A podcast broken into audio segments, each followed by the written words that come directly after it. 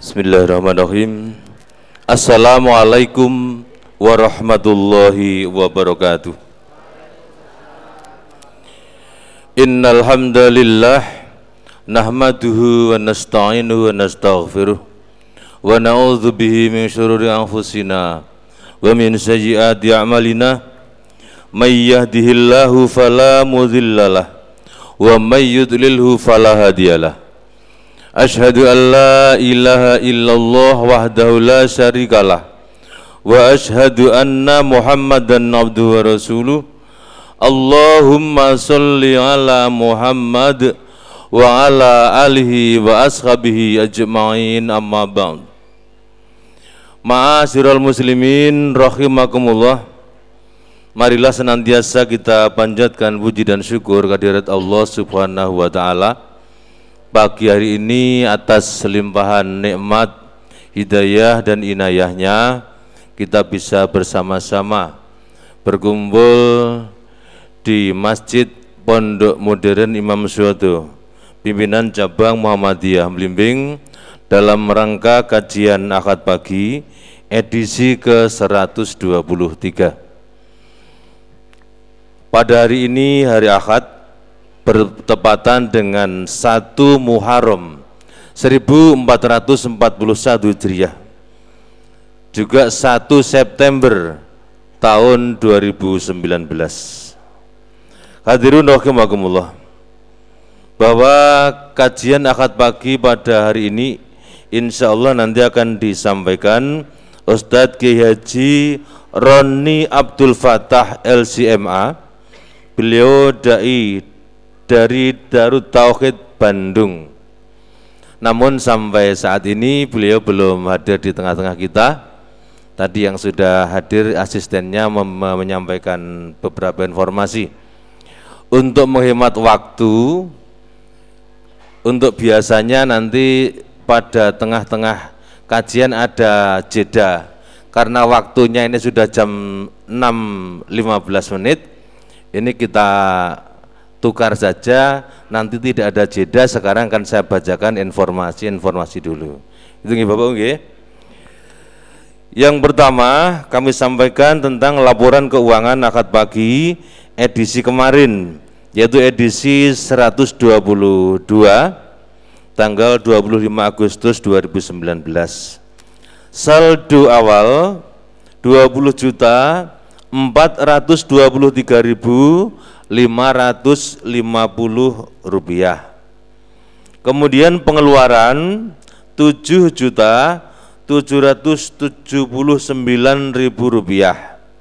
Saldo akhir 12 juta 644 ribu 550 rupiah. Kemudian infak pada edisi 122 sebanyak 6 juta 240 ribu rupiah. Yang kedua, mohon kepada jamaah sekalian apabila kota infak telah berada di hadapan panjenengan mohon diisi kemudian diputar untuk memberi kesempatan yang lain untuk berinfak. Kemudian uh, untuk tempat duduknya mohon juga dirapatkan. Ini sudah kelihatan rapat dan Bapak Ibu sekalian, untuk hari-hari atau pekan-pekan kemarin memang agak berkurang untuk jamaah kita. Kita maklum banyak kegiatan-kegiatan sehingga mari mulai sekarang nanti kita semangati lagi. Kita ajak teman-teman, kita ajak tetangga untuk hadir di pengajian akad pagi ini. Insya Allah hari ini nanti sudah hampir pulih seperti sebelumnya.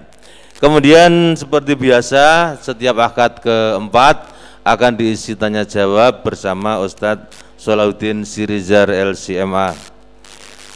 Pekan ini yang mendapat giliran dana organisasi dari infak akad pagi adalah Aum yang termasuk gorim amal usaha yang punya hutang.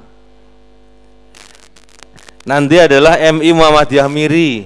Ini kan kalau mbak adalah termasuk gorim. Kemudian godok.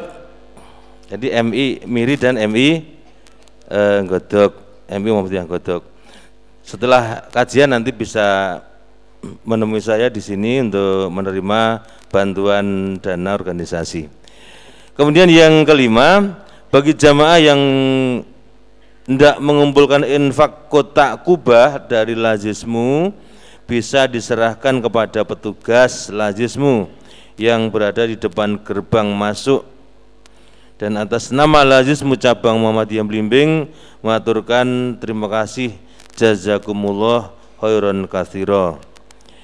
Yang keenam, bagi jamaah yang menghendaki stempel majelis tablik untuk keperluan tugas sekolah atau dinas bisa menghubungi Mas Khalid di meja presensi depan gerbang.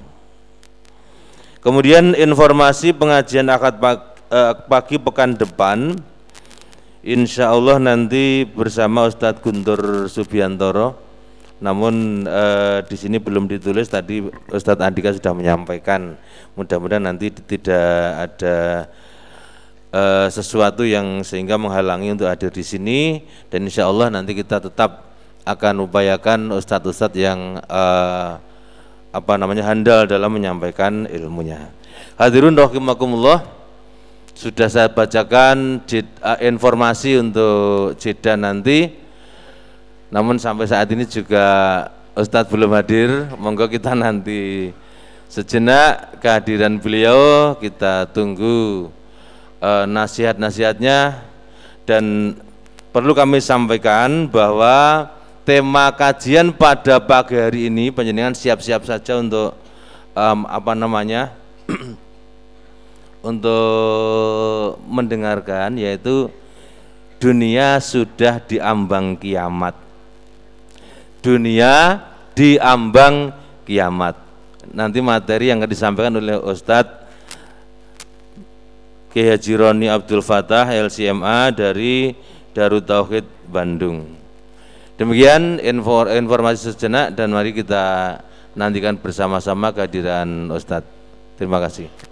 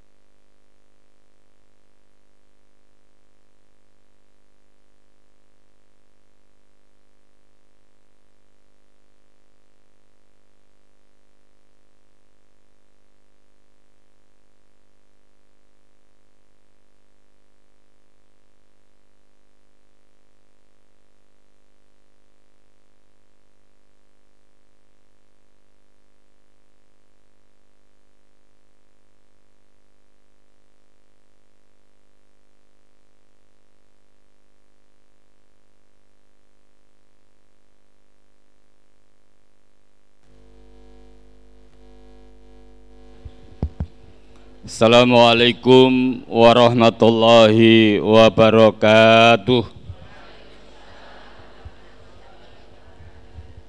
Alhamdulillahi rabbil alamin wal aqibatu lil muttaqin wal. Wassalatu wassalamu ala Muhammadin wa ala alihi wa askabihi asmain. Amma ba'd. Qala Allah Ta'ala fi kitabil karim A'udzu billahi minasyaitonir rajim Bismillahirrahmanirrahim Ya ayyuhalladzina amanu taqullaha wal tamdur nafsum ma qaddamat liqat wa taqullaha innallaha khabirun bima ta'malun. Sadaqallahul azim. Bapak Ibu majelis taklim nganipun mulyakaken Allah. Marwakane atur Langkung rumiyin sawane sawetawis monggo sami kula dherekaken ngaturaken puji syukur. Konjo ngarsa dalam Allah Subhanahu wa taala ingkang ari kalenggan ninjang menika panjenengan kula tasih panjenengan nikmat. Yuswa panjang sehat sempat langkung-langkung nikmat iman lan Islam. Inggih karena nikmat kasebat maha ninjang menika kula panjenengan tasih pinilih dening Allah kalenggahaken wonten taman surganipun Allah majelis talim. Mugi-mugi pepanggihan injang menika dados sarana kiyatipun ingkang kita sami ngurungkepi iman lan Islam. Ngantos kula pian mangke sowan-sowan wanci wonten ngarsanipun Allah tetep dalam kondisi iman lan Islam. Amin. Bapak Ibu kalian nenggo Ustaz ingkang badhe pareng rawuh tasih dalam perjalanan. Kadi menika mugi atur kula mangke wonten manfaat namung istilahipun nggih banjeli mangkaten timbangi mangke penjenengan gelisah. Soalnya waktu menunggu niku membosankan. Kecuali menunggu cinta. Nek menunggu cinta niku running jelai judulipun kalau mau nggih menika dunia sudah mendekati kiamat.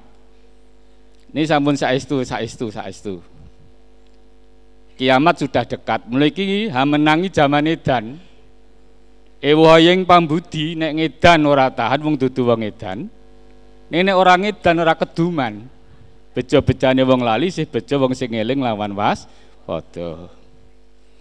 Mulai ingkang paling baken ngadepi zaman edan menika kuncinipun namung menapa? Wonten tiga, siji njaga akidah. Loro makmurke masjid, ping telu pengajian. Bab niki zamane dan wong sing padha kelangan iman. Nek randang ditambani Quran akeh wong sing padha edan. Iki zaman akhir akeh wong sing padha loro pikir. Nek randang ditambani zikir, atine do kejungkir. Iki zamane dan akeh wong sing padha kelangan iman. Iman dijolke duit, iman ke dijolke jari, iman dijolke pangkat. Nalikane arep golek pangkat, nyandidi pakaiane nyentrik setelikan melipit sepatune semiran ning bareng ora kesempatan nyandidi rakatoan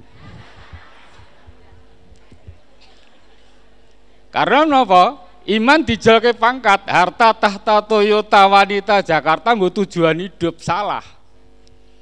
Harta tahta Toyota sebagai sarana hidup nggo ngencengke ibadah nggo lumrah Wong sing harta tahta Toyota nggo tujuan hidup kecilik. Nyandindi tumpakane Mercy, desi ra tau lali drijine bak ali-ali ngendi duwe loji. Medun komersi diaji-aji, ngerti-ngerti dicekel. Jebulane korupsi, saiki mlebu mbuhi sprene rong Bali tak kandhani. Karena apa? Harta tahta Toyota sebagai tujuan hidup kecilik. Allah memberikan harta tahta Toyota saat temening sunus maring nikmat barang siro inna a'toina kal kausar fasoli li rabbika. Kowe kelas salat krana ingsun Allah wan karlan kurbano korban mboten namung menyembelih hewan korban tapi nalikane kowe oleh tahta oleh pangkat ya pangkatmu gunakno. Gue mikir agama. Pupung tanda tanganmu ijek payu masjid kono bangun semen 100 sak pupung ijek payu. Nak tanda tangannya sumbani ora payu pret. Harta tahta Toyota. Zaman edan oke wong sing padha kelangan iman nek radang ditambani Quran oke wong sing padha edan. Kan di dasar menika Bapak Ibu siji njaga akidah. Akidah sak keyakinan. Dados energi. Akidah ki ra tok ra ketok keimanan ki ra ketok tapi mampu merubah lati ati lan pakarti. Menek wong salate mempeng ibadah haji kok nyolong pitik niku kira-kira patut apa mboten? Kula nyolong pitik mestine sing dune niki sopan kelakuane elek gawine nyolong pitik. Mboten mesti sopan. Ora sopan wong salat kok kelakuane kaya ngono. Sapa sopan panda? Baru sopan ini salate sik sing dikatutke. Lho kanthi menika njaga akidah zaman edan iki sulit Bapak Ibu, perlu kesungguhan. Carane ngrumat piye? Kedah wonten perubahan, lati-ati lan pakarti. Nek salate mempeng kok nyaturi jik mempeng, akidahe rada redup. Ngeten. Mila saking menika akidah perlu dipun sirami carane wit perlu disirami. Dirabuk supaya godhong ijo royo itu malah berbunga kemudian berbuah. Kita dapat memetik buahnya. Umar bin Khattab radhiyallahu an sampun pernah ketika akidah dari mlebu tenati ini iman Umar bin Khattab jadi pemimpin wong kafir. Anak wedok perawan wis gede ayu. Nek cara Wonorejo mriki bintang film. Digawa yang kebon buri digekke luangan dhewe dibelah dhewe diluruki dhewe. Alasannya karena wong wadon harganya tidak ada. Karena wong wadon kuwi ngentekke ragat negara. Dijak maling mlayu ra iso banter mangan akeh ngentekke ragat negara tapi ketika akidah mlebu teng ini Umar bin Khattab ketika duduk merenung noleh nengen dheweke guyu noleh ngiwa nangis. Ternyata sekabat matur ya Amirul Mukminin penjelasan nek noleh nengen kok guyu nek noleh ngiwa kok nangis. Ya nalikan aku noleh nengen aku guyu aku kelingan zaman akidah rum mlebu ning atiku. Aku nyandindi nggawa Tuhanku tak sembah ketika wetengku luwe tangane tak sempal siji tak pangan. Nyembah maneh tangane genti sikile genti akhirnya entek. Aku nek kalingan kuwi guyu sing kalau ketika aku noleh ngiwo kok nangis aku kelingan anakku dhewe wis perawan. Ayu tak belah dhewe tak pateni dhewe tak pendem dhewe. Inilah akidah mampu merubah lidah manhalan tikah Nomor kali nggih menika makmurke masjid.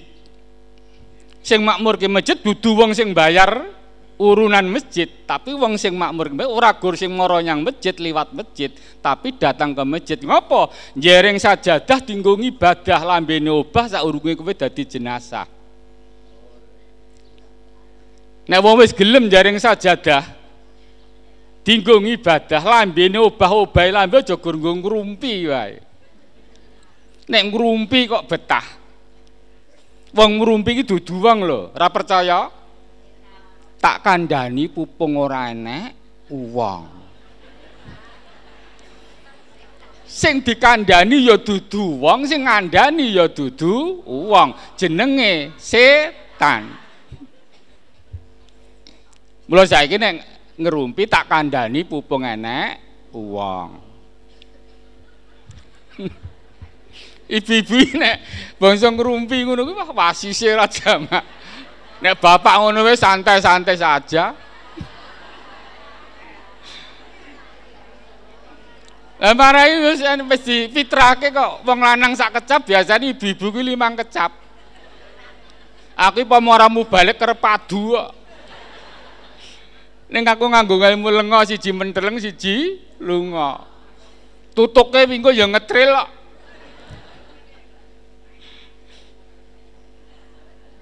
Makmur ke masjid jarang sajadah tinggung ibadah lambe mubah obah lambe tinggung dikir merenung diri saya diri saya itu siapa Oke wong sing dirine dhewe ora paham ning mahami wong liya gedene mung sak semut kaya gajah. Mahami wong liya paham. Lha nek wong jane kaya poso Ramadan jane wis elak banget nutupi babahan hawa sanga. Tegese bolongan sanga ditutupi. Selamat kok. Mula bolongan ini makin nombor makin cenderung ke neraka. Contoh mata bolongannya ciut. Ibu sik dhewe loro sing kancane siji teko. Nganggo gelang loro ketok. Ibu sing loro ngendake wah gelange loro titik. Karena bolongannya ciut. Tekan ngisor mriki pun beda melih. Wah gelange loro, wong loro kuwi ya utangan wae. Tambah siji ta tambah siji meneh wong kuwi nganggone ya gur nek jagonge kok wis soal imitasi ya tambah meneh to, makin lebar makin cenderung ke neraka. Menek iso nutupi baban hawa songo bolongan songo kuwi awake dhewe slamet. Pentawuh, Pak. Reng, eh. Dadi intinipun nek wong wis gelem nyang masjid jareng sajadah wis kena diarep-arep. Wis kena diarep-arep. Lha saking menika monggo makmur ke masjid. Saniki Muhammadiyah. Ora apa? Alhamdulillah sama rawuh. Insyaallah benjemen kula tutuke nek. Selamat pagi Ustaz. Mohon maaf saya mendahului. Kasmanan aku kalam. Wassalamualaikum warahmatullahi wabarakatuh.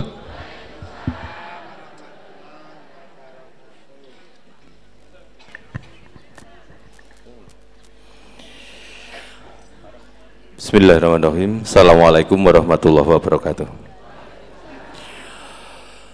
Jamaah pengajian rahimakumullah. Alhamdulillah Ustadz Kiai Haji Roni Abdul Fatah LCMA sudah hadir di tengah-tengah kita. Segera kita mulai pengajian pada pagi hari ini. Acara yang pertama pembukaan, yang kedua kajian, nanti langsung dari awal sampai akhir sampai setengah delapan nanti tat. Kemudian penutup, jadi acaranya hanya tiga sekarang. Maka marilah kita bersama-sama kita mulai pengajian pada pagi hari ini bersama Ustadz Kiai Jironi Abdul Fatah LCMA dari Darut Tauhid Bandung dengan tema Dunia di Ambang Kiamat. Mari kita buka bersama dengan bacaan basmalah. Bismillahirrahmanirrahim. Mari kita ikuti bersama dengan seksama sampai akhir kajian pada pagi hari ini. Waktu kami serahkan sepenuhnya pada Ustadz Roni.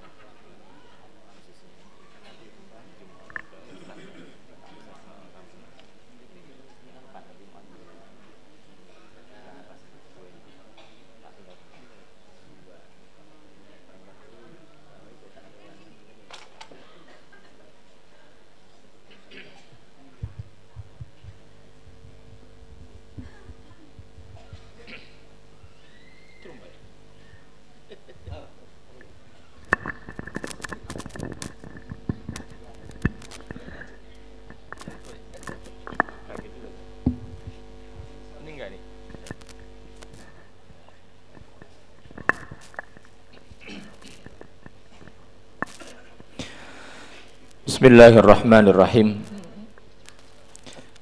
Assalamualaikum warahmatullahi wabarakatuh.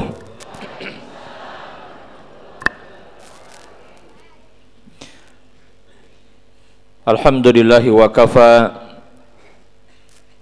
Wassalatu wassalamu ala rasulillahin nabiyil mustafa Wa ala alihi wa sahbihi ahli sidqi wal wafa amma ba'd يا أيها الذين آمنوا اتقوا الله حق تقاته ولا تموتن إلا وأنتم مسلمون سبحانك لا علم لنا إلا ما علمتنا إنك أنت العليم الحكيم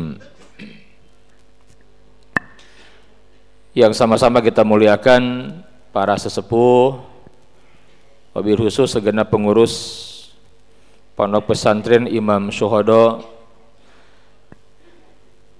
Bapak Ibu hadirin jamaah yang berbahagia Alhamdulillah pagi hari ini Allah Ta'ala pertemukan kita di tempat yang kita cintai ini untuk membahas satu tema yang diamanahkan kepada saya yaitu dunia di ambang kiamat Mudah-mudahan majelis ilmu kita pada pagi hari ini diberkahi dan dirahmati Allah Subhanahu wa taala. Mudah-mudahan hadirnya dan duduknya kita di sini saat ini dicatat sebagai amal soleh yang akan memberatkan timbangan amal kebaikan kita semua di akhirat nanti. Allahumma rabbana taqabbal minna innaka antas samiul alim wa tub alaina innaka antat tawwabur rahim.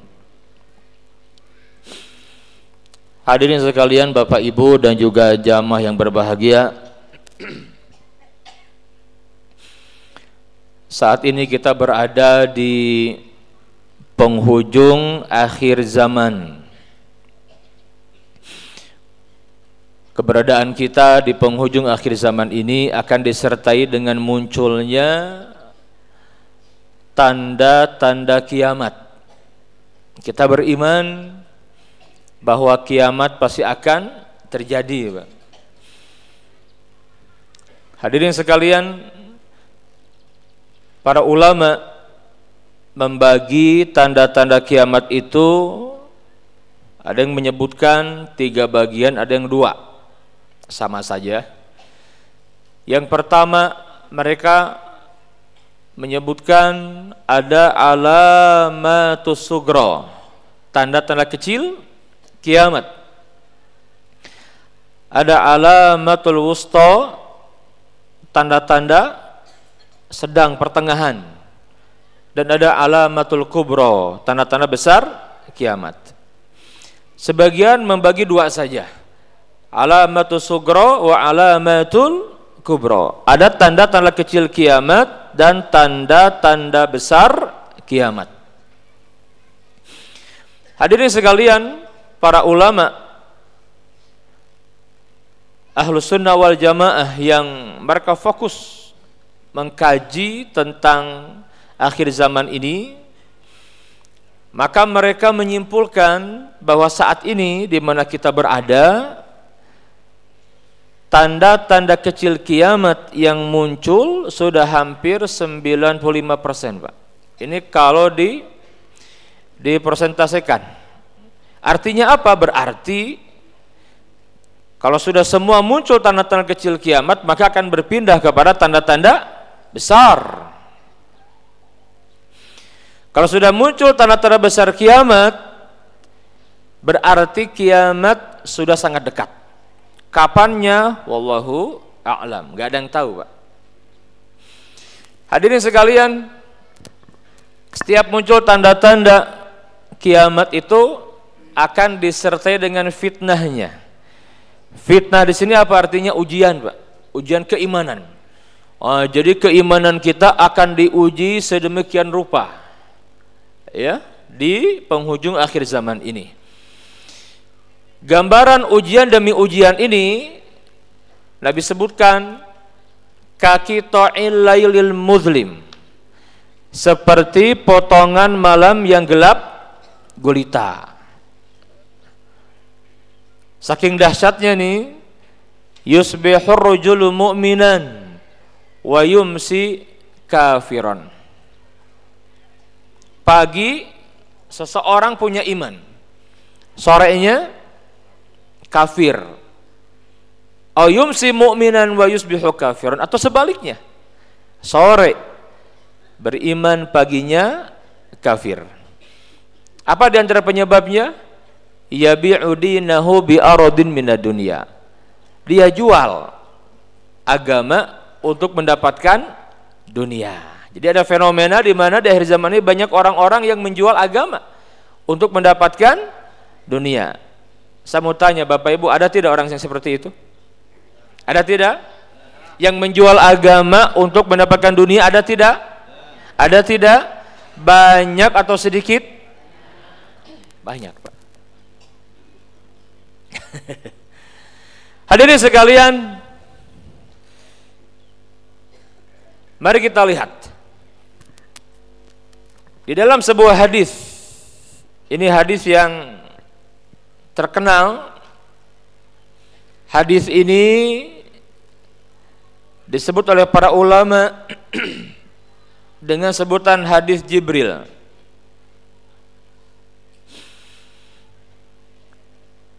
Dari Umar bin Khattab radhiyallahu taala anhu kita lihat di mana satu hari Nabi yang mulia sallallahu alaihi wasallam didatangi oleh malaikat Jibril dalam wujud manusia yang pakaiannya putih bersih dan rambutnya hitam legam Jibril bertanya kepada Nabi yang mulia sallallahu alaihi wasallam beberapa pertanyaan. Nah, di antara pertanyaannya adalah fa akhbirni anisaah. Wahai Muhammad, kabarkanlah beritahukanlah kepadaku tentang hari kiamat. Kapan kiamat terjadi? Ditanya, Bu. Jadi Jibril bertanya. Ini urgensinya nih Di hadis ini kan yang pertama Jibril bertanya tentang apa? Tentang tentang Islam. Yang kedua iman. Yang ketiga ihsan. Padahal Pak, Bu, pertanyaan fa akhbirni anisa'a beritahukan kepadaku tentang hari kiamat ini kan sudah masuk pembahasan iman iman kepada hari akhir kan sudah termasuk ini Al imanu bil yaumil akhir itu ada tiga cakupannya. Al iman bima qabla yaumal qiyamah. Kita beriman dengan perkara-perkara yang terjadi sebelum datangnya kiamat. Yang kedua, al iman bi yaumil qiyamah, kita beriman dengan dahsyatnya peristiwa kiamat itu sendiri. Yang ketiga, al iman bima ba'da yaumal qiyamah kita beriman dengan perkara-perkara yang terjadi setelah kiamat. Jadi mulai ada alam barzah, hari kebangkitan, mahsyar dan lain-lain sampai al jannatu awin nar. Nah, kenapa ditanyakan lagi gitu lah? Khusus, Pak. Fa akhbirni anisa'ah. Kabarkanlah, beritahukanlah kepadaku tentang hari kiamat. Kapan kiamat terjadi? Nah, mendengar pertanyaan ini maka Nabi menjawab, Mal mas'ulu anha bi'a'lama minasail. Tidaklah orang yang ditanya tentangnya tentang kapan kiamat maksudnya itu lebih tahu daripada orang yang bertanya. Bu, halo Bu, Ibu, halo. Jelas tidak suaranya Bu? Jelas. Yang ditanya siapa bu? Yang ditanya siapa? Nabi. Yang bertanya siapa? Malaikat. Kalau Nabi dan malaikat saja tidak tahu, apalagi orang biasa seperti kita. Gak ada yang tahu, Pak. Karena ilmu tentang kiamat kapan terjadinya itu hanya Allah saja. Satu-satunya dalil Pak ya, Bu ya, yang sampai kepada kita itu hanya harinya saja, betul tidak? Hanya harinya saja. Nah, kapan? Hari apa? Kiamat terjadi? Hari apa? Jumat ya sekarang hari Minggu. Jadi jangan khawatir. Kiamat nggak terjadi sekarang. hari Jumat. Hanya entah Jumat yang mana kita nggak tahu gitu. Yang menarik pertanyaan berikutnya. Kata Jibril, kalau begitu fa'akhbirni an amaratiha. Kabarkan kepadaku tentang tanda-tandanya gitu. Yang dengan tanda-tanda itu berarti kiamat sudah sangat dekat. Nah, Nabi yang mulia menjawab, ditanya tentang tanda-tanda kiamat, Nabi menjawab. Di hadis ini Nabi menceritakan di antaranya apa? Wa antarul hufatal uratal alah ri'a asya yatatawaluna fil bunyan. Apabila engkau mendapati satu zaman satu masa di mana pada zaman itu engkau melihat orang yang dahulunya miskin, tidak beralas kaki telanjang dada, penggembala kambing, tiba-tiba mereka menjadi kaya raya, Bu berkuasa mereka dan berlomba-lomba meninggikan gedung dan bangunan. Ya. Nah, siapa yang dimaksud oleh Nabi ini? Di hadis Nabi ditanya, "Ya Rasulullah, siapa itu orang yang miskin, pengembala kambing, ya? Tidak beralas kaki, telanjang dada, tiba-tiba kaya raya, kemudian berlomba-lomba meninggikan gedung dan bangunan. Manhum ya Rasulullah?" Siapakah mereka itu wahai Rasulullah? Maka Nabi yang mulia menjawab humul arab. Mereka itu adalah orang-orang Arab. Hadirin sekalian berbicara tentang Arab jazirah Arab sekarang ini tujuh negara ini Pak. Jadi yang disebut dengan jazirah Arab Nabi wafat satu jazirah Arab masuk Islam ya sekarang tujuh negeri ini Arab Saudi, Kuwait, Qatar, Oman, Bahrain, Yaman dan Uni Emirat Arab. Alhamdulillah saya sering ke sini, Pak. Jadi saya bisa bercerita betapa benar yang Nabi sabdakan. Yang Nabi sampaikan itu pas sekarang di tujuh negeri luar biasa, Pak. Terjadi perubahan yang luar biasa. Kita lihat Arab Saudi ya. Arab Saudi ini di sana ada empat kota besar Mekah, Madinah, Jeddah, Riyadh. Bapak Ibu, di kota-kota ini sekarang terjadi pembangunan yang luar biasa, Pak. Gedung-gedung pencakar langit itu berdiri dengan megahnya dan terus seperti itu. Ini kita nih yang ngalamin, yang bisa menyaksikan itu sekarang, Pak. Nah ini Nabi sampaikan 14 abad setengah yang lalu kita lihat yang pertama Mekah. Dulu Mekah sekian abad tuh biasa aja pak. Ibu nggak lihat ya? Nggak lihat kan? Kelihatan nggak bu? Ya sudah lihat saya aja lah ya. Baik. Mekah ini pak menjadi megah mewah itu belum lama Ketika minyak ditemukan di mereka, Pak. Itu kan negara Arab itu Pak kaya ya karena minyak, betul tidak, Pak? Syariatnya begitu. Lah minyak ini belum lama ditemukannya, Pak.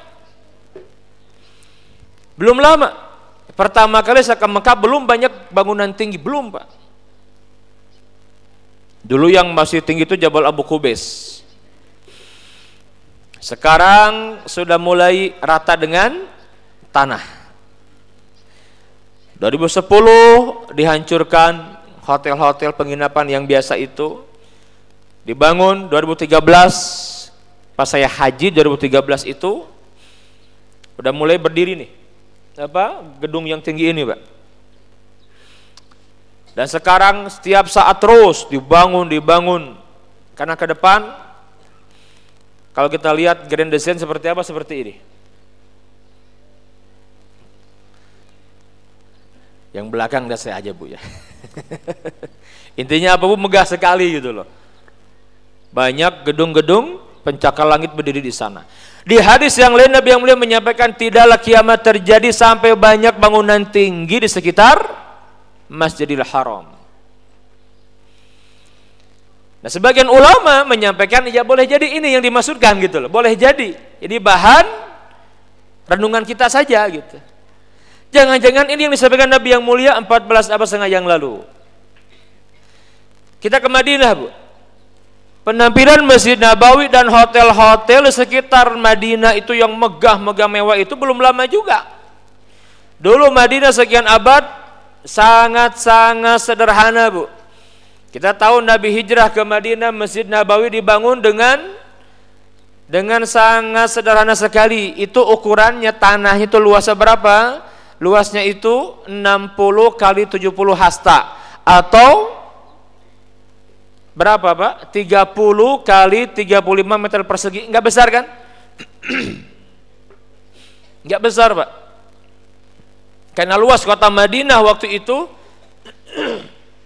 yang sekarang menjadi area markaziyah area apa? area Masjid Nabawi sekarang 8,4 hektar itulah Madinah di zaman Nabi. Ini tahun 75 masih begini, Pak. Mulai megah di zaman Raja Fahad ini. Terus 2016 nih saya umroh ini udah mulai di jajaran Baki Al Gorgot ini juga hotel dirobohkan. Belum lama kemarin di sebelah selatannya itu di mana di sana dibangun dulu ada Pak Ma'rad Al Asmaul Husna kan? Sekarang sudah nggak ada rata dengan tanah Pak. Kenapa? Karena ke depan akan dibangun seperti ini Masjid Nabawi itu. Megah sekali Pak. Ya. Ada dua kemungkinan besar yang ini kalau saya tanya kepada para ulama di sana. Riyadh.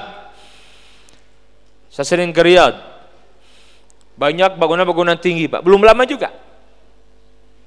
Jeddah juga demikian. Kuwait kita lihat ke Kuwait ini belum lama juga Kuwait begini, Pak. Megah sekali. Qatar. Apalagi Oman juga sama. Bahrain. Yaman, nah Yaman agak enggak seperti yang lain karena banyak konflik di sana. Dan yang menakjubkan apa Uni Emirat Arab di sana ada kota yang terkenal bahkan orang lebih mengenal kota ini daripada negaranya gitu. Apa namanya? Dubai. Dubai. Lihat Bu, Dubai 91 dengan Dubai 2013. Ini Dubai 91 ini tempat jin buang anak Bu. Masih begini gitu, padang pasir aja itu. Dan Dubai 2013 gedung-gedung tinggi Pak. Megah, Bahkan ternyata gedung yang tertinggi di dunia saat ini itu bukan berada di Eropa, di Amerika, Australia, bukan. Apa namanya? Burj Khalifah. Ketinggiannya 828 meter itu adanya di mana di Dubai. Ada yang pernah ke sini? Lah kita Bu ya ke Jakarta lihat Monas saja kan? Lihat Monas Bu ya? Begini nih. Monas kan yang mau pindah sebentar lagi kan? Katanya mau pindah ya. Jadi enggak tuh Bu. Mau pindah ke mana pindahnya tuh? Udah mau udah mau siap-siap diangkat tuh Monas Pak, mau dipindahin katanya. Asal nggak tahu ke mana pindahnya itu. Lihat Monasnya kita luar biasa tinggi kan? Lah ini bayangkan 818 meter. Uh. Saya pas ke sana Pak, gini Pak, sakit lehernya Pak. Tinggi banget itu. Sekarang sedang dibangun juga di Jeddah namanya Kingdom Tower. Yang bangun siapa? Yang bangun itu Al-Walid bin Talal orang terkaya di Timur Tengah, Pak. Dia termasuk keluarga besar kerajaan Arab Saudi.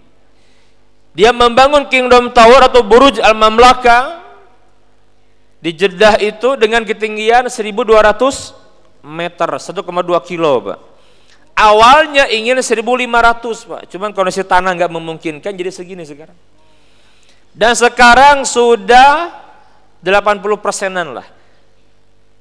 Mungkin tahun 2020 tahun depan atau 2021 sudah beres itu Pak. Megah sekali Pak. Ini belum beres sudah akan dibangun lagi Pak. Yang hampir 2000 meter. Wih, kebayang tidak Pak? Terus seperti itu. Nah fenomena ini mengingatkan kita akan hadis Nabi tadi. Jangan-jangan itu yang dimaksudkan oleh Nabi ya tatawaluna fil bunyan. Betul tidak? Coba kita ber, bertafakur lah gitu. Renungkan dengan keimanan kita. Ini kan terjadi belum belum lama Pak.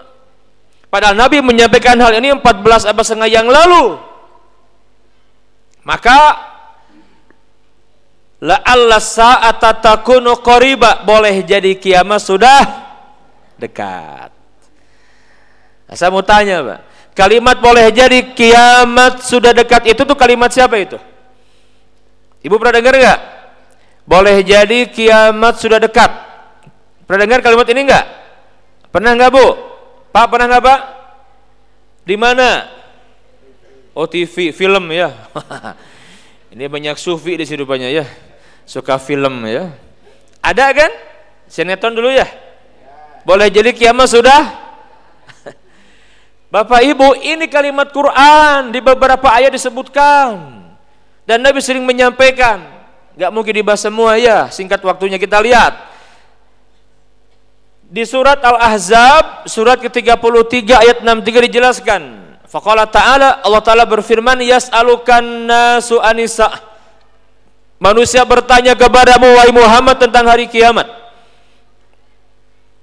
Qul innama ilmuha indallah. Katakanlah, sesungguhnya pengetahuan tentang hari kiamat itu hanya di sisi Allah. Yang menarik penghujung ayat. Wa ma yudrika alla sa'ata takunu qariba. Tahukah engkau wahai Muhammad boleh jadi loh kiamat itu sudah dekat waktunya. Ini 14 abad setengah yang lalu Pak 14 abad setengah yang lalu sudah disampaikan oleh Nabi yang apa oleh Allah Taala bahwa la Allah saat takunu qariba boleh jadi kiamat sudah dekat. Nabi yang mulia pernah menyampaikan kata Nabi yang mulia buithu ana wasaah kahatain Aku diutus antara diriku dengan terjadinya hari kiamat seperti dua jari ini beliau isyarat dengan dua jari tangannya bu. Beliau angkat jari apa nih? Jadi telunjuk. Dan Nabi angkat jari tengah. Jari ini menggambarkan apa? Jari ini kata Nabi ini umur dunia nih.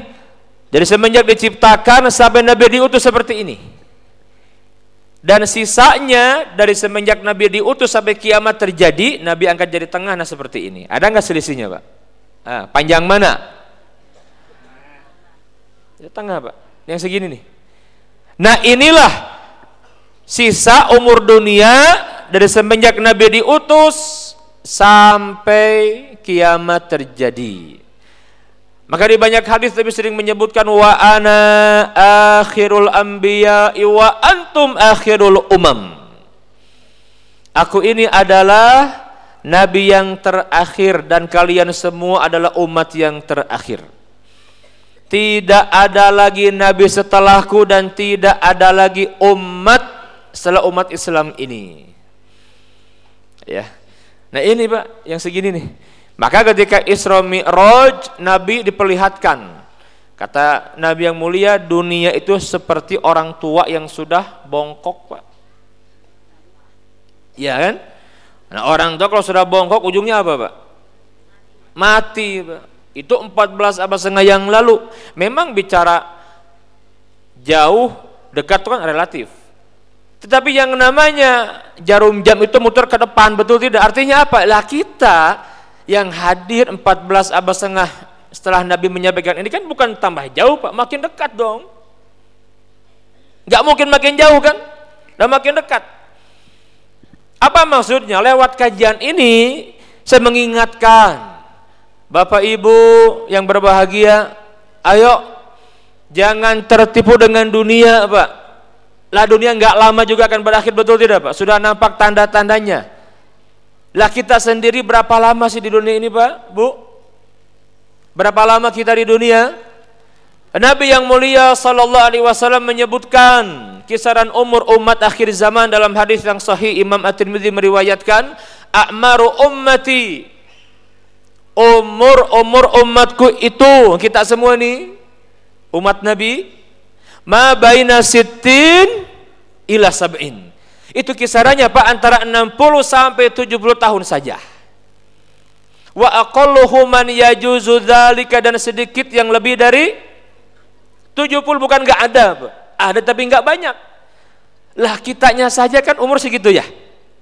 60 70. Dunianya sendiri sudah banyak tanda-tanda dekatnya kiamat bermunculan. Nah, saya mengajak jangan menjadi manusia-manusia yang dunia orientasi hidupnya. Jadilah manusia yang akhirat orientasi hidupnya, Pak. Ada kalimat menarik dari Ali bin Abi Thalib. Ini bahan kita untuk merenung. Apa kata Ali? Ala inna dunya qadir tahalat mudbirah. Ketahuilah dunia itu pergi kian menjauh meninggalkan kita.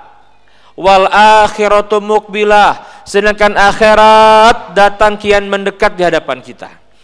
Walikuli wahidatin minhuma banun. Masing-masing dari kedua itu ada pengikutnya. Dunia ada pengikutnya, akhirat juga ada, Pak. Kata Ali bin Abi Thalib, "Fakunu min abna'il akhirah." Maka jadilah kalian manusia-manusia yang akhirat orientasi hidupnya, wala takunu min abna'id dunia. Jangan menjadi manusia-manusia yang dunia orientasi hidupnya. Peringatan dari Nabi di akhir zaman ini di mana kita ada sekarang, umat Islam akan tertimpa penyakit yang namanya al-wahan Wa malwahan ya Rasulullah. Apa itu alwahan ya Rasulullah? Apa kata Nabi? Hubbud dunia wa karahiyatul maut. Cinta dunia dan takut mati. Dan ini yang menyebabkan umat Islam jatuh. Yang menyebabkan umat Islam pecah belah. Yang menyebabkan musuh-musuh Islam begitu mudah menguasai muslimin karena al alwahan. Nah, jadi saya mengajak ayo lewat kajian akhir zaman pada pagi hari ini jadilah manusia-manusia yang kenceng ke akhirat ya Pak ya. Aduh akhirat. Akhirat orientasinya. Jadi keluarga kita ya, kenapa? Karena memang sekarang luar biasa ke depan akan makin dahsyat ujian demi ujian akan muncul, Pak. Untuk umat Islam, ya. Baik aja deh sekalian. Jadi ini yang pertama. Kita lihat di hadis yang lain ini hadis bentar Bu ya. Ini masih trum juga nih. Kenapa ya? Saya agak sebentar saya nggak bisa husu nih. Apa harus pakai ini saya nggak tahu. Keset ya karena Mohon maaf Bu ya. Saya kaget juga nih. mohon maaf, mohon maaf. Mungkin ini karena ini ya. Iya, ada ini enggak? Ada enggak? Iya. Zikir bu, bukan bongong gini bu ya. Kenapa katanya? Megang miknya kayak megang es krim bu ya. ini saya kaget tuh dari tadi kaget terus kenapa nggak tahu karena ini ya. Ya, ada nggak ya? Iya iya. Mohon maaf bu ya, bentar bu. Saya nggak khusus dari tadi megang terus kaget terus gitu. Ini mohon maaf tuh. ini kerasnya terus nih.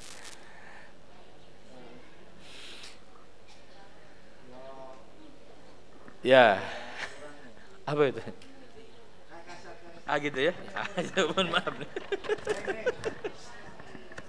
ini mohon maaf nih. Jadi tadi saya kaget terus nih. Ah ini aman gak nih? Mohon maaf Pak, aduh makasih banyak nih. Nah gini ya. Kayaknya aman nih coba dibuka. Mohon maaf, Pak. Saya kaget juga dari tadi nih. makin membesar aja. Nah ini enggak bu. Ah aman nih. Khusus insya Allah ya. Jadi tadi ini pegangnya gede banget strumnya nih gitu ya. Ah alhamdulillah aman pak. Jadi enggak kayak megang es krim lagi sekarang. Mohon maaf pak. Lupa lagi saya pak. Sampai mana tadi pak? Allahu Akbar. Baik, sekarang kita lihat. Hadirin sekalian, di hadis yang lain Nabi menyebutkan. Ini hadis terkenal. Hadis tentang ringkasan sejarah umat Islam sebagai umat akhir zaman. Ini hadis menjadi peringatan untuk kita. Nabi yang mulia menyebutkan sebagai umat akhir zaman, umat Islam itu akan menempuh lima fase, Pak. Lima apa? Lima fase. Setiap fase ini ada expire-nya, Pak. Ada masa berlakunya gitu. Yang pertama, takunun nubuwatu fikum ma Allahu an. Thumma yarfa'uha syaa an yarfa'aha. Yang pertama apa? Fase kenabian an-nubuwah. Berapa lama? Ini berlangsung 23 tahun. Setelah berakhir fase an-nubuwah yang kedua namanya fase kekhilafahan di atas manhaj kenabian. Berapa lama? 30 tahun. Nabi yang menyebutkan angkanya. Nabi menyebutkan al-khilafatu fi ummati salasuna sanatan. Kekhilafahan di tengah-tengah umatku berlangsung 30 tahun. Inilah umat dipimpin sepeninggal Nabi oleh orang-orang terbaik. Ada Abu Bakar As-Siddiq, Umar, Uthman, Ali digenapkan oleh Al Hasan bin Ali. Berapa lama? Salah sanatan. Yang ketiga ada fase mulkan adon, fase di mana umat Islam dipimpin oleh raja-raja yang menggigit. Ya, silih berganti. Daulah Islam, ada daulah Bani Umayyah, Abbasiyah, Turki Utsmani dan lain-lain, Pak. Berapa lama tuh? Ini hampir 13 abad kurang lebihnya, Pak. Hampir 13 abad. Kemudian ini berakhir juga masuk fase keempat namanya apa? Fase mulkan jabriyatan, mulkan jabariyah. Yang kelima namanya tegak kembali kekhilafahan di atas manhaj kenabian atau bahasa lainnya kebangkitan Islam di akhir zaman. Nah, saya mau tanya, sekarang nih saya Bapak Ibu di mana adanya kira-kira? Fase yang mana? Yang mana Bu? Kita sekarang berada di fase keempat, namanya mulkan jabriyatan. Kenapa? Karena memang fase mulkan aldon berakhir dengan dibubarkannya kekhilafahan Turki Utsmani. Kapan itu resminya?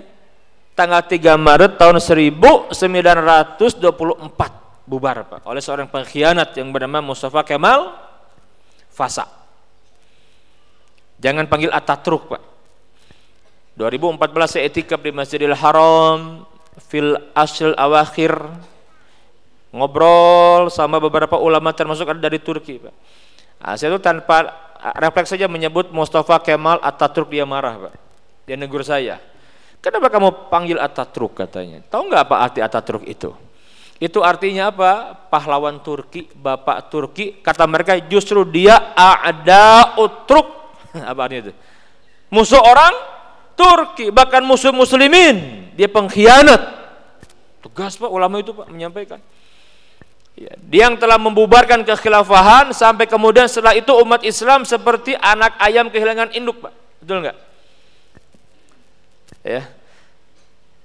Yang ini kan belum juga tegak kembali ke khilafah belum. Berarti kita berada di fase keempat. Bapak Ibu, di fase ini nih akan muncul tanda-tanda kiamat. Semua tanda kecil muncul di sini dan tanda-tanda besar sebagian muncul di sini juga di fase ini. Dan puncak fitnah yang menjadi tanda besar kiamat khurujul masih dajjal itu munculnya di fase mulkan jabriyatan khurujul masih dajjal keluarnya Al-Masih Ad-Dajjal. Baik, hadirin sekalian kita lihat. Kalau misalkan Bu, ini nih lima fase ini ringkasan sejarah umat Islam ini dibuat film misalkan. Misalkan. Nanti ada nobar ke mana Pak Isan ini? Nah, ada nobar ya. Film Ikro ya. Ini film edukasi bagus sekali Pak. Di mana Pak Isan? Transmart. Itu yang bikin itu aktivis di Masjid Salman ITB Pak. Kami kenal semua Pak. Ya sekarang kan luar biasa ya tontonan ini kan bukan menjadi tuntunan betul tidak? Sekarang banyak tontonan yang tidak menjadi kebaikan Pak, bahkan menimbulkan kemadaratan, maka ada, solusi harus bagus gitu kan. Nah, dibuat film Ikro kan ada film Ikro itu bagus ya. Sekarang yang keduanya ya Ikro itu. Nah, nanti bisa nobar nonton bareng ya dengan DT Peduli ya Pak. Sambil nonton bareng kalau mau sambil sedekah, betul tidak? Siap tidak Bu? Siap tidak? Oh, iya Pak, nonton dapat ilmu juga, betul tidak? Dan kita beramal soleh. Nanti ada kawan-kawan di depan ya. Mudah-mudahan bisa sama-sama Pak. Di, sini kita sering juga nonton Agi Mbak ya. Sering di sini Pak. Kalau ada ILC ya. Oh belum di sini ya. Di masjid mana Pak Izan? Oh yang Imam Sohodo di sana katanya ya. Kalau ada Agim ngisi suka live, oh di sana ya, masjid yang tadi baik. Hadirin sekalian, Misalkan ini film diberi judul ringkasan sejarah umat Islam. Film ini dibagi menjadi lima bagian. Misalkan ini jemaah ini nih, keluarga besar Imam Suhado ini yuk kita nonton rame-rame. Misalkan, eh macet di jalan bu. Pas nyampe ke bioskopnya misalkan film sedang diputar babak yang keempat. Ketinggalan kan? Asal mau tanya tuh, kalau film diputar babak keempat dari lima babak yang ada, kira-kira bapak ibu ada di awal film, tengah film atau akhir film? Awal, tengah, akhir. Akhir pak ya. Lah kalau akhir itu punya lakon gimana nya biasa? Eh, gua kebalik. Bagaimana biasanya itu loh. Menjelang akhir gimana punya lakonnya? Halo, menang atau kalah? menjelang akhir pak kalah dulu betul nggak kalau sudah menang sudahan filmnya pak iya kan? Coba lihat film laga itu kan? Kelima kan wah menjelang itu kalah dulu ya. Dipukulin digencet didengkek. Waduh itu sutradara bikin kita tegang. Betul tidak bu? Ah tapi yakin itu nggak akan mati. Betul nggak? Kalau mati sudahan filmnya nggak rame dong. Dia buat tegang. Apa dia akan menang gitu kan? Sport jantung tuh pak. Dan nanti kalau sudah menang punya lakonnya itu film diputar dari awal lagi atau sudahan? Jawab bu, pak. kalau itu film misalkan ya yang punya lakonnya menang lagi di akhir itu, itu biasanya film diputar dari awal lagi atau sudahan? sudahan Pak. Artinya apa? Umat Islam nanti akan bangkit lagi Pak. Tapi ingat nggak lama kalau kita mengkaji akhir zaman nggak lama. Umat Islam itu pasti akan menang, pasti itu Pak. Jangan ada keraguan karena Allah Ta'ala berfirman dalam Quran dan Nabi menyampaikan berupa bisyaro kabar gembira. Yakin tidak? Yakin tidak Islam akan bangkit? Yakin tidak akan ada kebangkitan Islam di akhir zaman? Belum kompak, yakin tidak? Yakin tidak? Takbir!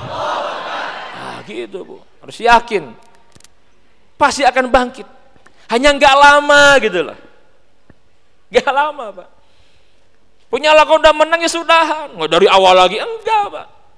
Kan dunia ini udah injury time gitu loh. Udah tua sekali udah berakhir. Jadi jangan aneh kalau di fase kita nih penghujung akhir zaman umat Islam sedang kalah pak. Apa kita sedang menang sekarang? Mimpi kali ya. Lo iya Pak, lihat sekarang. Ujian untuk umat Islam luar biasa Pak. Gak usah jauh-jauh di negeri yang sebelah. Di kita saja sekarang luar biasa ya. Negeri yang terkenal muslimin terbanyak. Bisa apa kita sekarang Pak? Politik juga nggak bisa mengendalikan. Ekonomi juga sama. Betul tidak? Dijajah semua kita Pak. Padahal kita mayoritas di sini, betul tidak? ajib katanya. Kata orang Arab tuh ajib katanya. Menakjubkan negeri ini gitu. Betul tidak? Halo. Jawab hei Ibu. Halo. Hei. Oh. Konsentrasi hanya yang ngantuk gini-gini ya. Ibu jangan salah baca doa ke pengajian Bu ya, langsung jadi di pojok bismika Allahumma ahya wa amut. Ah, ma, tidur nantinya. Masya Allah. Ada yang mulai kepanasan Bu ya? Sehat Bu insya Allah ya. Bentar lagi Pak. Eh sampai, sampai jam berapa Pak Kiai? Sampai jam berapa Ustaz? Sampai jam 10 katanya ya? Loh benar jam 10 Pak? Siap nggak? Oh saya nggak siap. Saya mau pulang aja bentar lagi. Baik. Nah jadi umat Islam sedang diuji luar biasa. Kenapa? Karena yang mimpin bumi sekarang bukan orang Islam, tapi orang Yahudi dan Nasrani. Catat itu. Bapak Ibu, dulu 13 abad lebih umat Islam mimpin bumi, Pak. Sekarang yang mimpin peradaban dunia bukan umat Islam, bukan muslimin, tapi orang-orang Yahudi dan orang-orang Nasrani. Jangan aneh, yuk kita bedah sedikit. Karena sumber fitnah ini dari mereka Pak. Lah kenapa mereka diizinkan Yahudi terutama karena Yahudi ini Nabi sebutkan aksaru tiba'id dajjal al yahudu nisa yang akan ngikutin dajjal itu yang banyak itu dari Yahudi dan dari umatku para wanita. Siapa Bu? Wanita Ibu. Kenapa wanita? Karena wanita makhluk halus. Maksudnya apa, Pak? Punten, punten. Mudah tersihir gitu loh, Bu. Nah iya, Pak. Sambil lebih sebutkan kalau kalian ditakdirkan ketemu dengan dajjal nanti punya anak wanita, kerem jangan suruh keluar karena pengaruh sihir itu luar biasa. Wanita tuh banyak yang jadi tukang sihir loh, Bu. Mau bukti enggak? Bentar Pak kita tanya Ibu dulu Pak ya. Bapak-bapak tenang dulu Pak. Mau bukti nggak Bu? Di Quran surah Al-Falaq coba. Wa min syarrin nafasati fil uqad. Apa artinya itu? Dan dari keburukan wanita-wanita kan tukang sihir tatkala meniup sihir kepada bukhul gitu loh. Makanya nggak ada kakek sihir. Yang ada apa? Nenek sihir. Enggak ada kakek lampir. Yang ada? Nah, itu dia tahu kan ya. Mohon maaf ini udah mulai ini Pak. Kenapa eh, kalau nggak digini ibu-ibu nih bisa. Jelas sudah Bu? Ya begitu. Nah Yahudi ini dia akan menjadi prajurit Dajjal nanti. Allah takdirkan sekarang mimpin bumi Pak. Dan Yahudi dibedah oleh Quran silakan baca Quran gak ada baiknya tuh Yahudi tuh. Kalau Quran membedah Yahudi nggak ada baiknya, Pak. Kita lihat yang pertama. Yahudi dibedah oleh Quran, karakter mereka yang pertama apa? Mereka suatu kaum yang sangat keras permusuhannya, kebenciannya kepada orang-orang yang beriman. Aina dalil, mana dalilnya? Surat Al-Maidah ayat yang ke-82 faqala ta'ala la tajidanna asaddan nasi adawatan lil ladzina amanul yahud la tajidanna lam taukid nun taukid Ma maknahu apa artinya? Jangan menyisakan keraguan sedikit pun juga di hati kita bahwa Yahudi itu luar biasa bencinya kepada orang beriman gitu. Ini Quran, Pak. Quran. Kalau orang-orang munafik disenangi sama mereka. Orang munafik bagaimana? Orang munafik itu dohirnya dia Islam.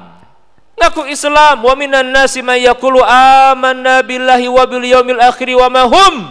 Ngaku beriman kepada Allah, iman kepada hari akhir, bohong kata Allah. Dan orang-orang munafik itu di zaman Nabi sholat tidak?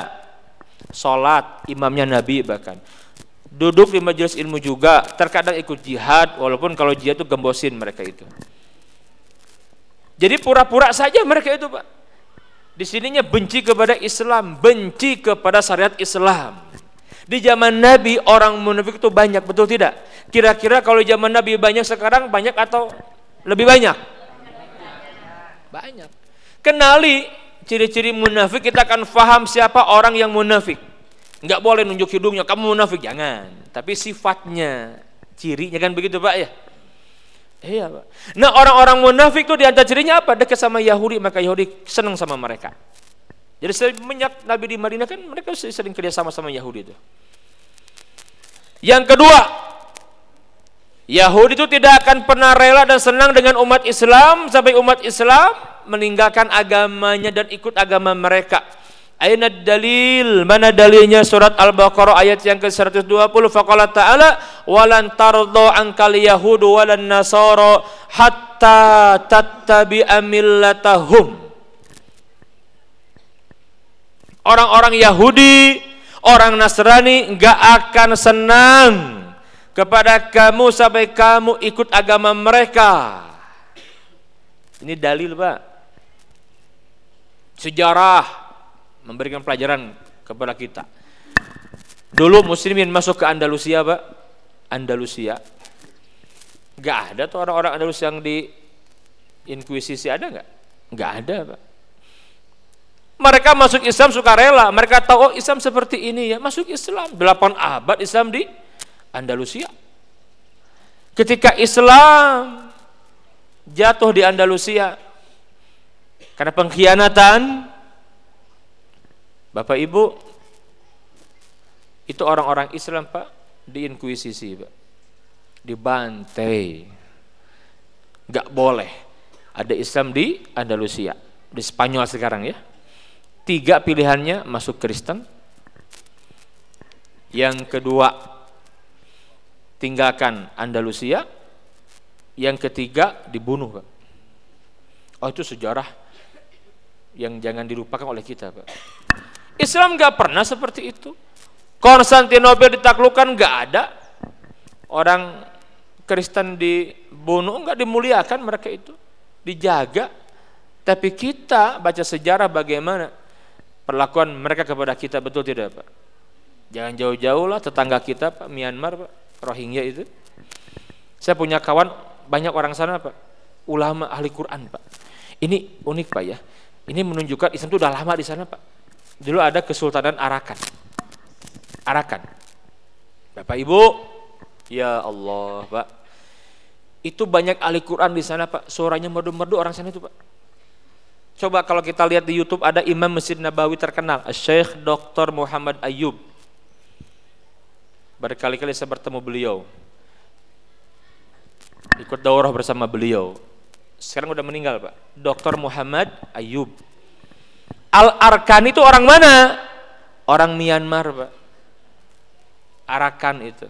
Yang sekarang dibantai sama orang-orang Buddha apa Hindu? Buddha, Pak. Pernah viral di sosial media, Pak. Anak muda yang dia lari dari negerinya masuk ke Malaysia, ketangkap. Dilepas bajunya, Pak, di penjara. Sambil itu nunggu dia meroja aja, Pak. Si Fir penjara itu penasaran. Ini kok enak banget ngajinya siapa gitu. Dia rekam kan? Di penjara pak. Orang Myanmar tuh sambil baca Quran dia hafal pak. Merdu kan suaranya kan? Merdu nggak nggak pakai baju gini aja gitu. Di penjara direkam viral itu. Berarti Islam kuat di sana kan? Sekarang bagaimana pak? Habis. Dan kita nggak tahu sekarang terbaru bagaimana berita di sana karena kita nggak bisa media masuk ke sana pak. Susah sekali. Ini sejarah pak. Jangan lupa. Quran menyampaikan walan tardo angkal yahudu walan nasara hatta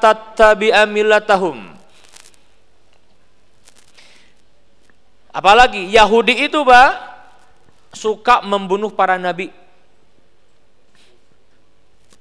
Nabi Zakaria Nabi Yahya yang bunuh siapa? Yahudi. Nabi Isa juga tuh yang menjadi otak itu siapa? Yahudi. Lah Nabi Muhammad juga Pak. Berkali-kali kan tidak dibunuh sama Yahudi tuh. Jadi nggak aneh kalau kita tahu ini Pak, orang-orang Yahudi di Palestina mereka membunuh anak-anak kecil, bayi, ibu-ibu, betul nggak? Lah Nabi aja dibunuh mereka Pak. Apalagi selain Nabi kan begitu. Ini ini luar biasa. Ini Quran nggak mungkin salah Pak. Nah mereka ini ketika mereka berhasil meruntuhkan peradaban Islam, mereka naik, nah mereka sekarang membuat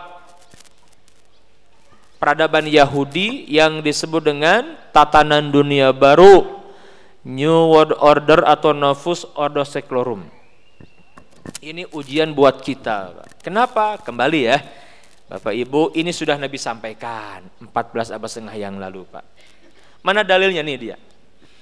Ada kondisi di mana umat Islam sebagai umat akhir zaman nanti di penghujungnya dia akan ngikutin orang Yahudi, Pak. Dan Nasrani. Kita lihat Faqala Nabi sallallahu alaihi wasallam Nabi bersabda la tattabi'unna sungguh kalian benar-benar akan mengikuti sunanal ladzina min qablikum tradisi kebiasaan lifestyle gaya hidup orang-orang sebelum kalian shibron bisibrin sejengkal demi sejengkal wadhira'an bidhira'in sehasta demi sehasta hatta law dakhalu fi juhri dabin lattaba'tumuhum hingga apabila mereka masuk ke lubang biawak kalian akan ikut juga saking latahnya Pak. Kulna sahabat bertanya waktu itu. Ya Rasulullah, al Yahuda wan Nasara, apakah mereka itu orang-orang Yahudi dan orang Nasrani? Nabi menjawab, Faman, lah memangnya kalau bukan mereka siapa lagi? Bapak Ibu, Nabi menyampaikan hadis ini bu. 14 abad setengah yang lalu itu sahabat tercengang. Kaget. Bukan gak yakin. Saking yakinnya pak. Lah yang menyampaikan siapa? Nabi Gak mungkin Nabi salah betul tidak yakin terjadi hanya mereka itu tercengang belum bisa membayangkan kok bisa umat Islam yang dimuliakan dengan Quran dan Sunnah nabinya pun nabi yang terbaik umat yang terbaik kok ngikutin jalan hidup orang-orang yang dimurkai dan yang tersesat al-maghdub dan ad-dallin. Kok bisa gitu loh.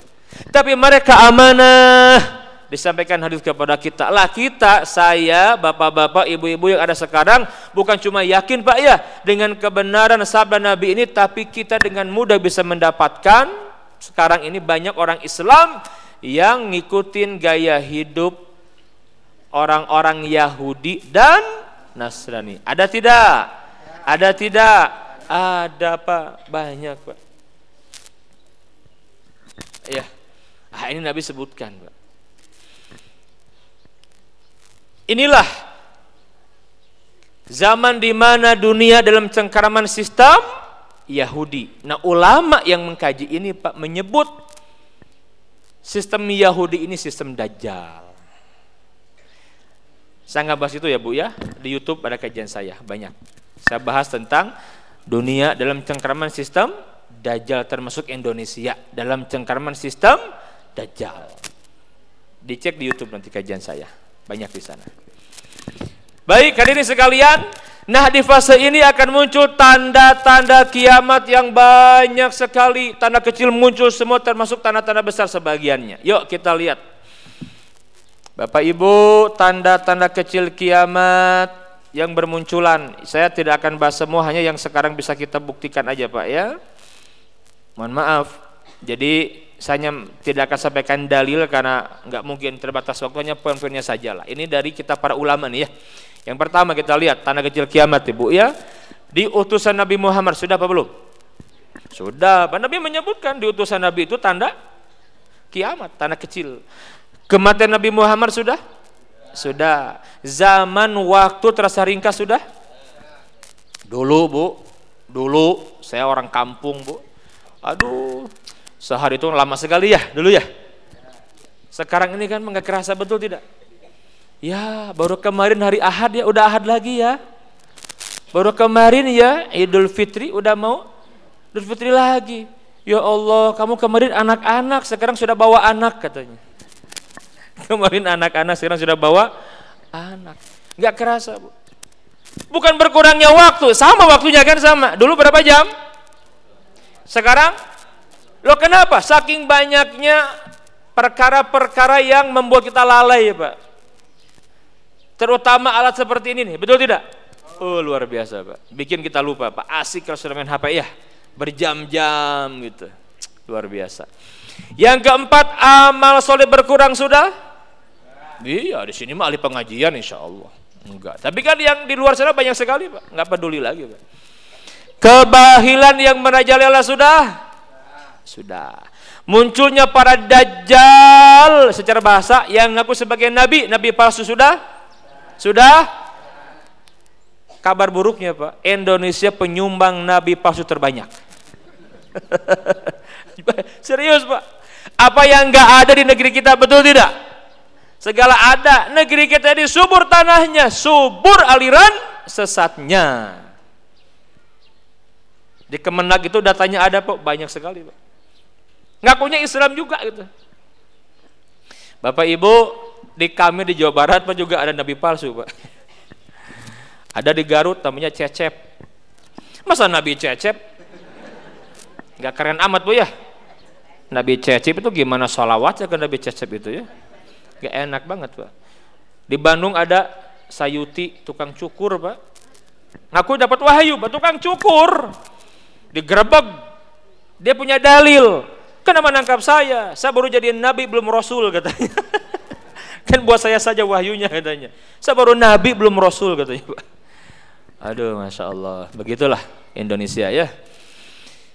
Jadi kalau ada orang ngaku nabi bu, udah jangan ribut, tangkap, laporin masukin ke rumah sakit jiwa orang gila itu pak asli pak saya siap ngobrol sama orang-orang yang ngaku nabi itu nggak waras pak bener pak kayak ya memang deket sama jin gitu kan aneh ya pak ada orang yang tapa di gunung di Bogor tuh tiga bulan turun ngaku nabi pak ya kan di Bogor harusnya bawa talus pak bukan bawa wahyu gitu kan ada nggak ada di sini ada rumah sakit jiwa di mana, Pak? Jauh ya. Kalau di kami terkenal ada Jawa Barat namanya Cisarua, Pak. Di sini ada ya.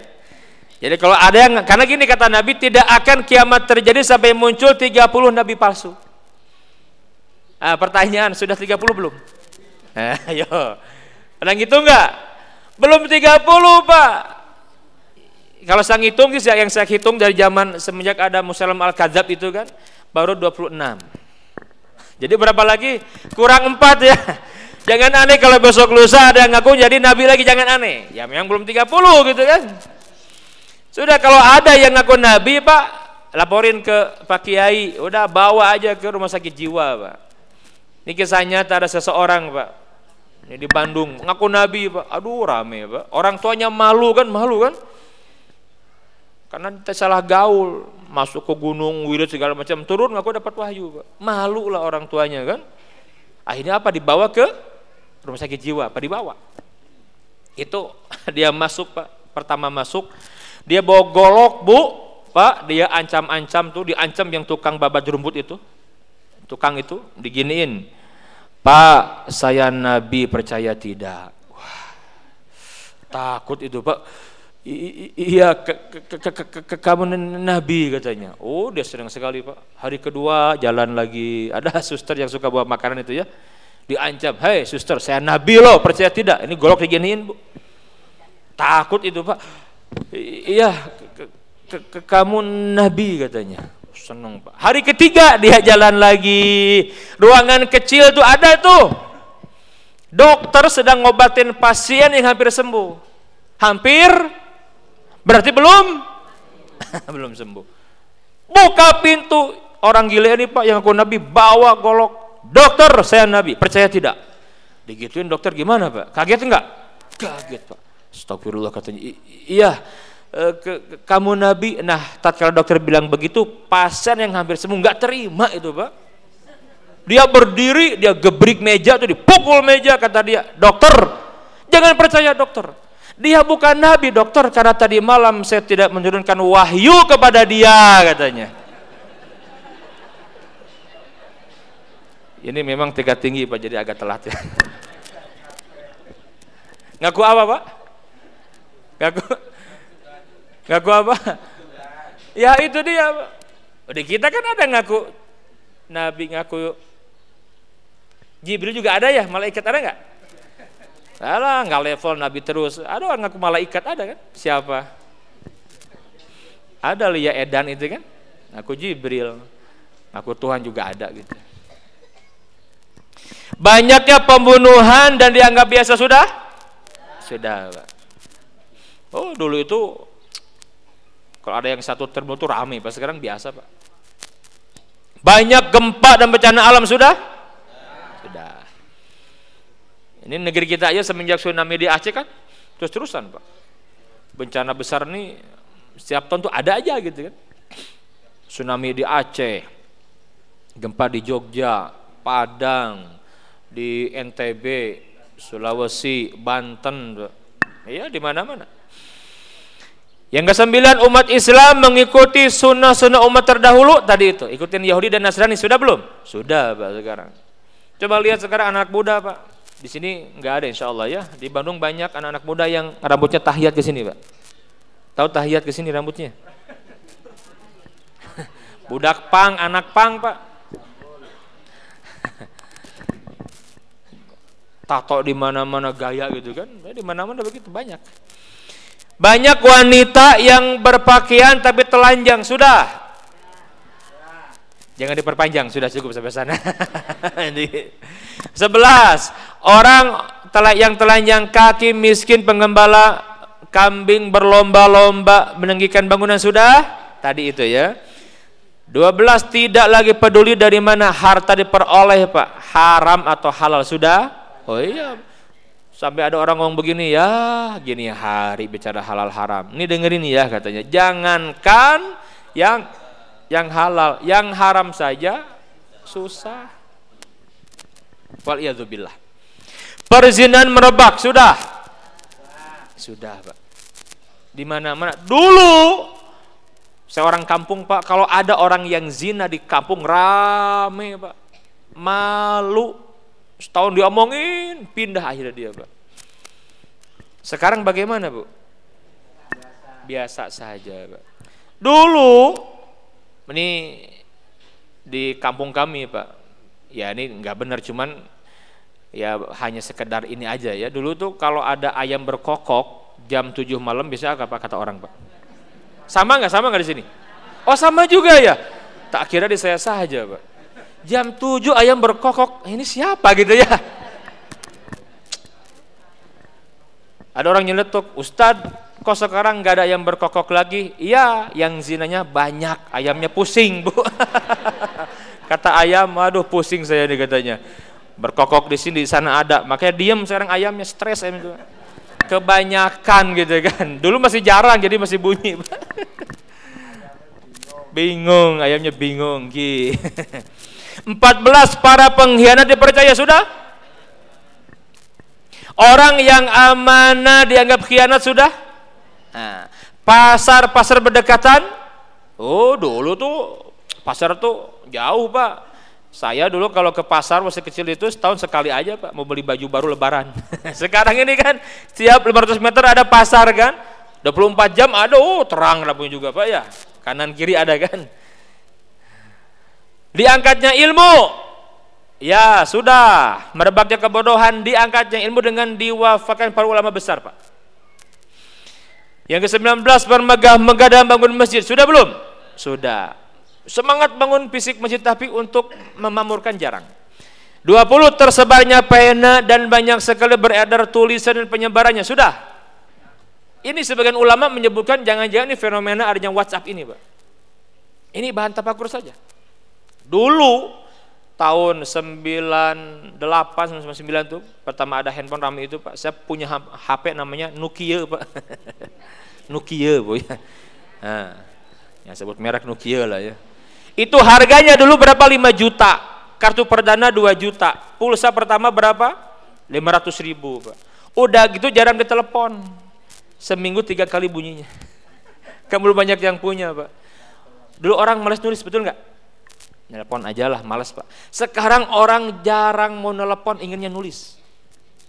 Saya telepon, udah di, di WA saja katanya pak. Ya Allah, di mana-mana nulis pak. Di bandara nulis, di kereta api nulis, naik motor nulis, di lampu merah stopan nulis. Masak nulis. Apalagi? eh serius betul tidak bu? Luar biasa bu.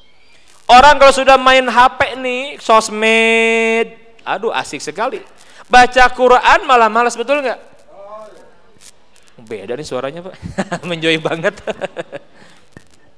Baru baca dua tiga ya sudah males, sudah muales Bu ya. Bismillahirrahmanirrahim.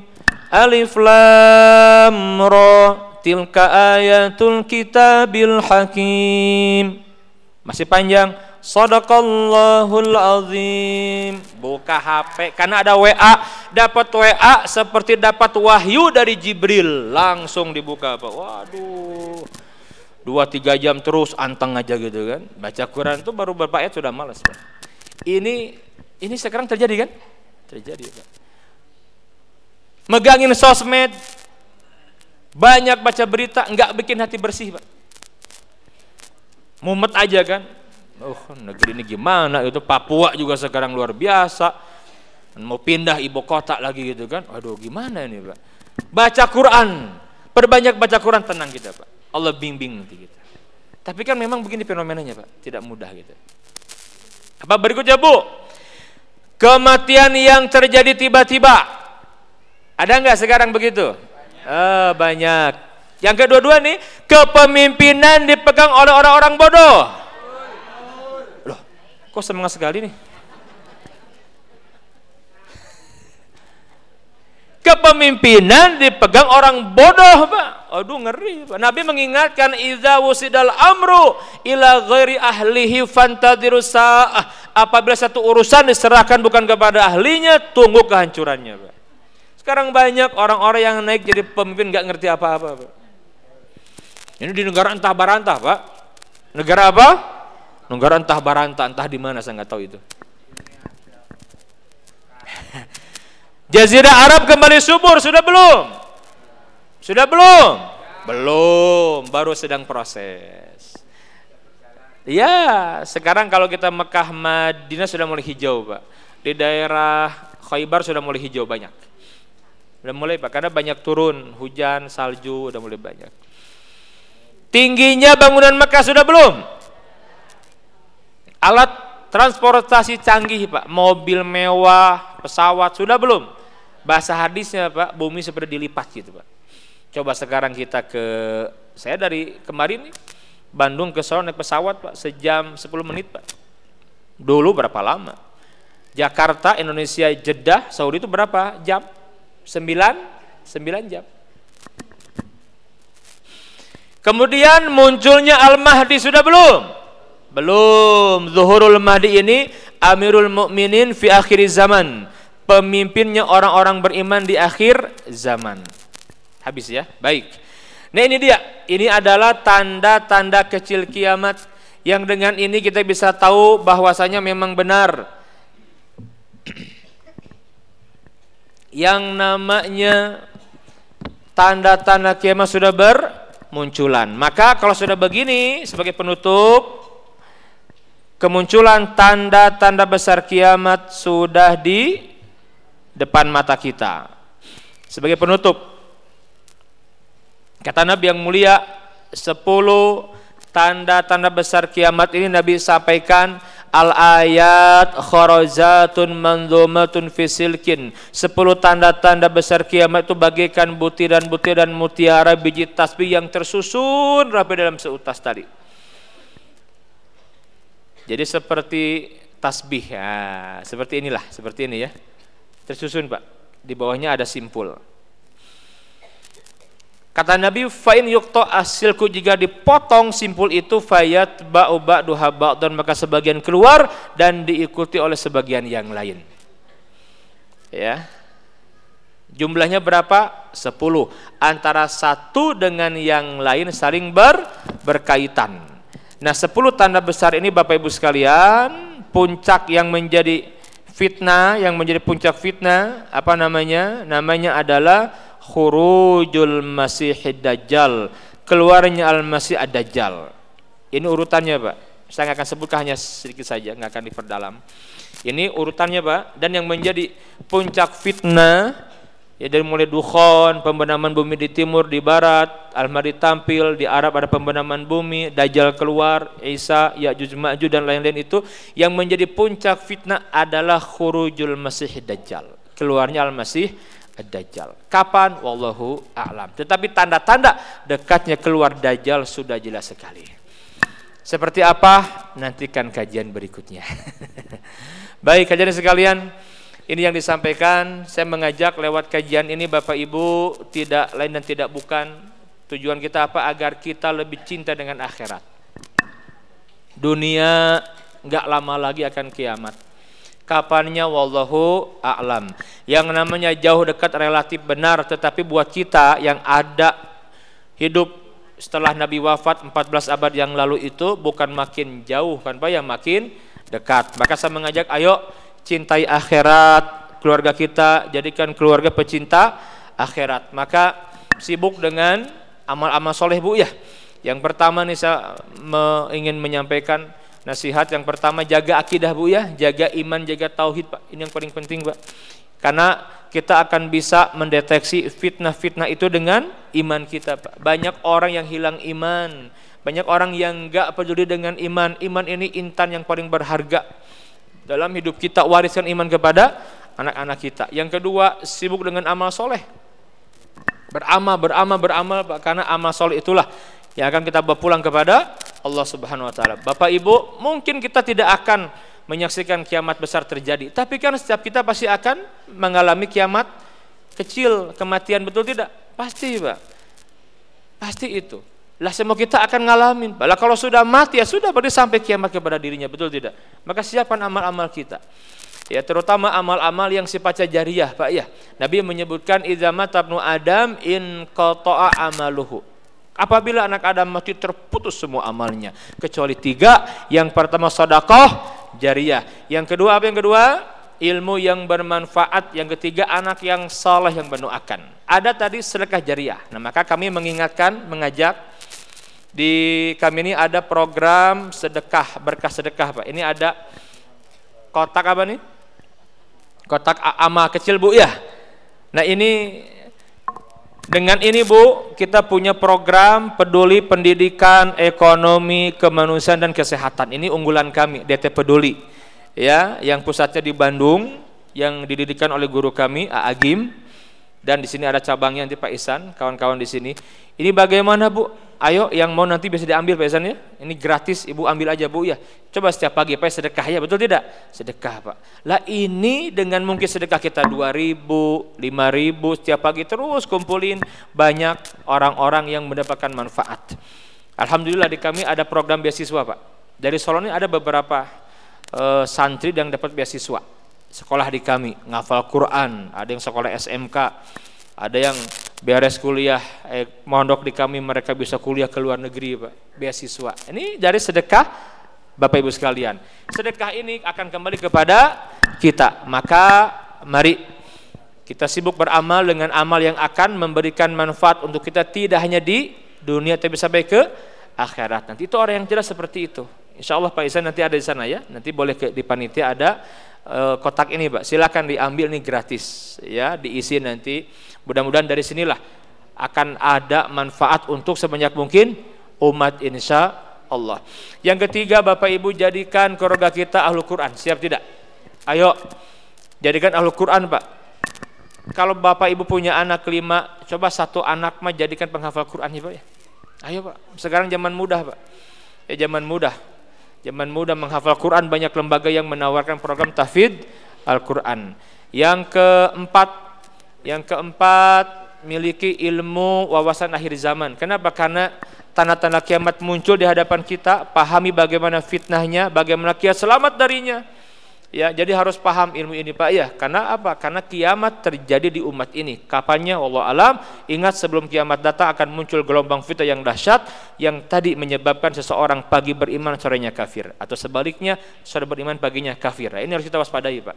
Mudah-mudahan yang disampaikan menjadi nasihat untuk saya pribadi dan mengingatkan kita semua bahwa kita berada di penghujung akhir zaman. Jaga iman sibuk dengan amal soleh jadikan ahlu Quran dan miliki ilmu akhir zaman agar kita bisa selamat dari fitnahnya. Allah alam bisawab.